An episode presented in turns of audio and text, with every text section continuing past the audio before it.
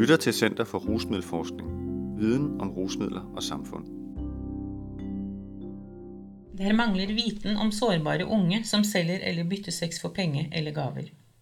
Skrevet og innlest av antropolog og lektor Jeanette Bjønnes fra Senter for rusmiddelforskning. Artikkelen er brakt i Stoffbladet nummer 37 i efteråret 2020. I 2019 kom en rapport som hadde som formål å undersøke viten om og sosiale tilbud til unge som selger eller bytter sex i Norden, f.eks. til gjengjeld for penger, gaver eller stoffer. Rapporten konkluderte at det fins begrenset viten om dette området, og at tilbudene til de unge er meget forskjellige i de nordiske landene. Danmark skiller seg ut på noen punkter. Kommersialisering av seksuelle relasjoner er et emne som fyller i den offentlige debatt i Norden, og som opptar både beslutningstagere og medarbeidere i de sosiale systemer. Særlig når debatten dreier seg om unge der bytter eller selger sex, går bølgene høyt. I Danmark ble DR-dokumentaren om Gina Jacqueline, en sugardaters fortelling, sett og diskutert av mange i 2017. Senest har influenseren, dvs. Si en person der tjener penger ved personlig markedsføring på de sosiale medier, Fie Laursen, som oppfordrer andre unge til å sugardate, fått stor oppmerksomhet i de danske medier, og enda fått andre kjente personer til å efterlyse regler for hva influensere må uttale seg om. Helt overordnet er hovedspørsmålet i debatten hvorvidt det å selge eller bytte sex entydig skal ses som et problem og som noe der skal forebygges, eller om det er andre måter å anskue fenomenet på. Rapporten Young People, Vulnerabilities and Prostitution or Sex Compensation in the Nordic Countries, utgitt av Nordisk ministerråd i 2019, viste at blant de medarbeidere som arbeider med utsatte unge i Danmark, avhenger svaret av dette spørsmålet av hvorvidt de unge som selger eller bytter sex, har personlige eller sosiale problemer og f.eks. problematisk stoffbruk eller psykiatriske diagnoser. Det er store forskjeller i de nordiske landene.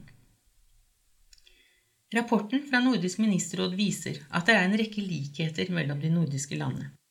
1. Antallet av unge som bytter eller selger sex, anslås til å være 1-2% 2. Det er flere drenger enn pier som selger eller bytter sex for kompensasjon. 3. De unge som bytter eller selger sex, blir beskrevet av medarbeidere på sosialområdet som en særlig sårbar gruppe. Og 4. Medarbeiderne i de sosiale tiltak opplever at det mangler viten på feltet. Det er dog også vesentlige forskjeller. I Danmark er det f.eks. kun ulovlig å kjøpe sex av personer under 18 år, mens det i Norge og Sverige har forbudt å kjøpe sex i det hele tatt. Den nevnte rapport fra 2019 viser at ikke kun lovgivningen, men også viten blant fagpersoner og medarbeidere på sosial- og rusmiddelområdet om unge og salg og bytte av sex for kompensasjon er meget forskjellig i de nordiske landene. En forskjell blant de nordiske landene er at i Danmark har sexselgernes egne organisasjoner, som f.eks. SIO, sexarbeidernes interesseorganisasjon, hatt en relativt fremtredende stemme i den offentlige debatt og dermed adgang til å motsi det temmelig entydige bildet av sexselgere som passive ofre, som man f.eks. kan se i svenske medier. Også når det gjelder det man kaller sugardating, hvor en yngre person, ofte kalt sugarbabe, bytter sex eller samvær for gaver eller penger med en såkalt sugardaddy eller sugar mama, oftest en eldre mann med flere økonomiske midler enn den unge, har den offentlige debatt vært annerledes i Danmark enn i de andre nordiske landene. I de andre nordiske landene brukes begrepet sugardating sjelden, og den offentlige diskusjonen om unge og utveksling av sex fokuserer mer på utnyttelse og maktulikhet mellom partene. De unge i Danmark der selger eller bytter sex, oppfattes som en særlig utsatt gruppe. Vi, der utarbeidede det danske bidrag til Nordisk ministerråds rapport, baserte vår undersøkelse på en gjennomgang av faglitteratur, rapporter og medienes bidrag på feltet, samt intervjus med nøylepersoner i åtte sosiale innsatser, som kan karakteriseres som sentrale i forhold til det sosiale arbeidet med marginaliserte unge i Danmark. De medarbeidere på sosialområdet i Danmark som hadde med unge som selger eller bytter sex at gjøre, erfarte at de fleste av de unge som involverte seg i sex for kompensasjon, hadde hva medarbeiderne beskrev som en belastet bakgrunn, hvor de var blitt utsatt for omsorgssvikt, seksuelle overgrep eller andre overskridelser av deres personlige grenser eller selvbestemmelse. Samtidig beskrev medarbeiderne at problematisk stoffbruk og psykisk sykdom var en del av mange av de unges liv. Medarbeiderne fortalte også at mange av de unge de møtte, tidligere hadde hatt mange seksualpartnere, og at det derfor ikke nødvendigvis ble opplevet som så stort et skritt av disse unge å la deres kroppslige personlige grenser overskride ved å ha en relasjon til en sugar daddy. De unge kvinner hadde vært sammen med så mange menn at de moské syns at de så godt kunne få betaling for det, som en av medarbeiderne sa. Mange av medarbeiderne vurderte at de unge hadde svært ved å merke hvor når en seksuell handling var grenseoverskridende. Dette kunne være særlig svært hvis de hadde et problematisk forbruk av stoffer. Flere av medarbeiderne kjente til unge som byttet sex for stoffer.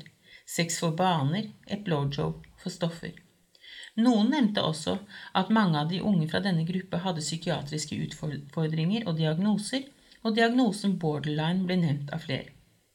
Et annet tema som gikk igjen blant medarbeiderne, var at de opplevde at de unge oppfattet det å bytte eller selge sex som en måte å føle seg attraktiv og eftertraktet på, at det fikk dem til å føle at de hadde verdi for andre.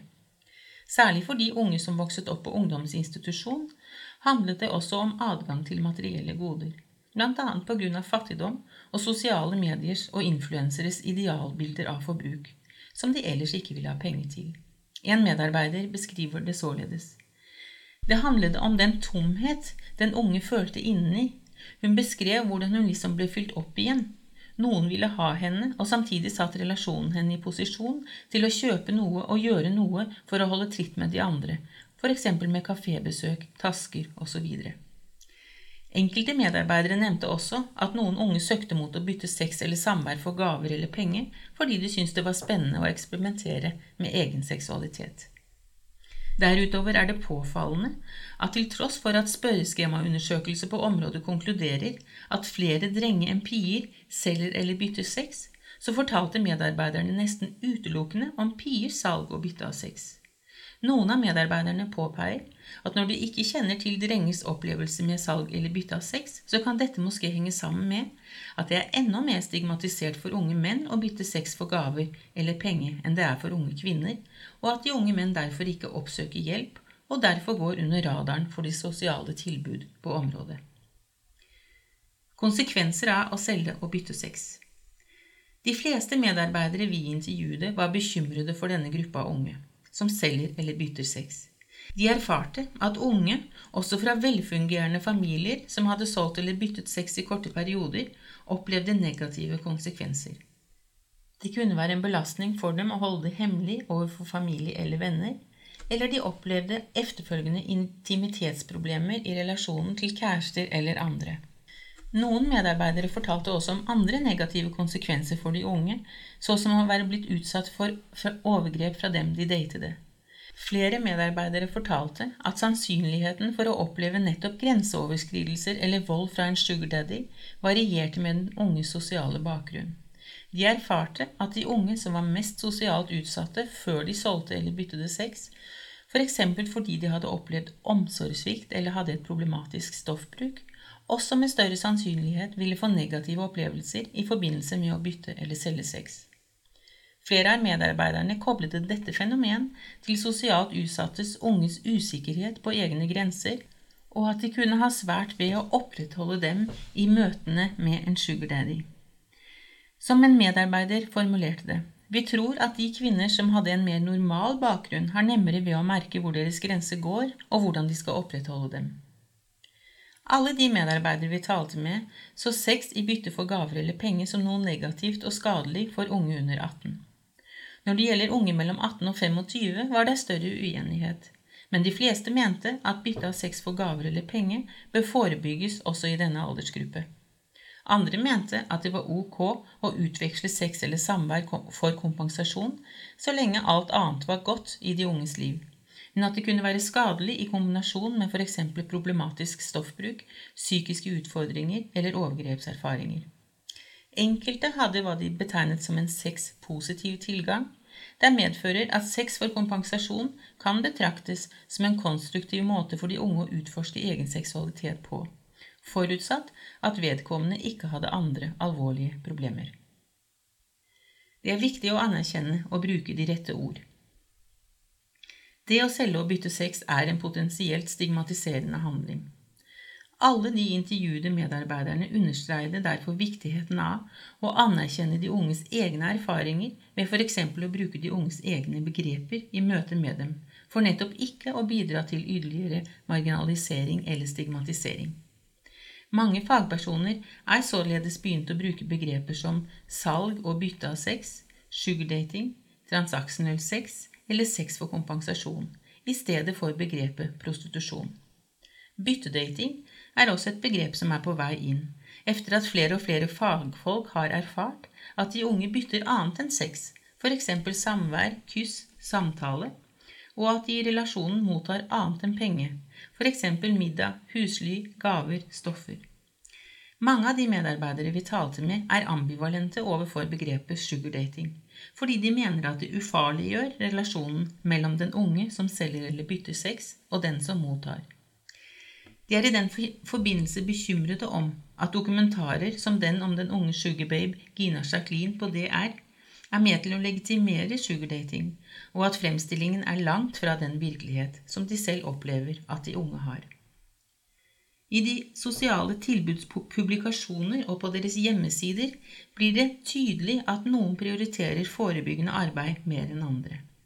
Noen tilbud stiller f.eks. krav om at man som bruker av tilbudet skal ha en ambisjon om å stoppe med å selge eller bytte sex for å få tilbudt et forløp med f.eks. For en psykolog og på den måte signalerer man til de unge at deres atferd er forkert og bør endres innen de kan få hjelp.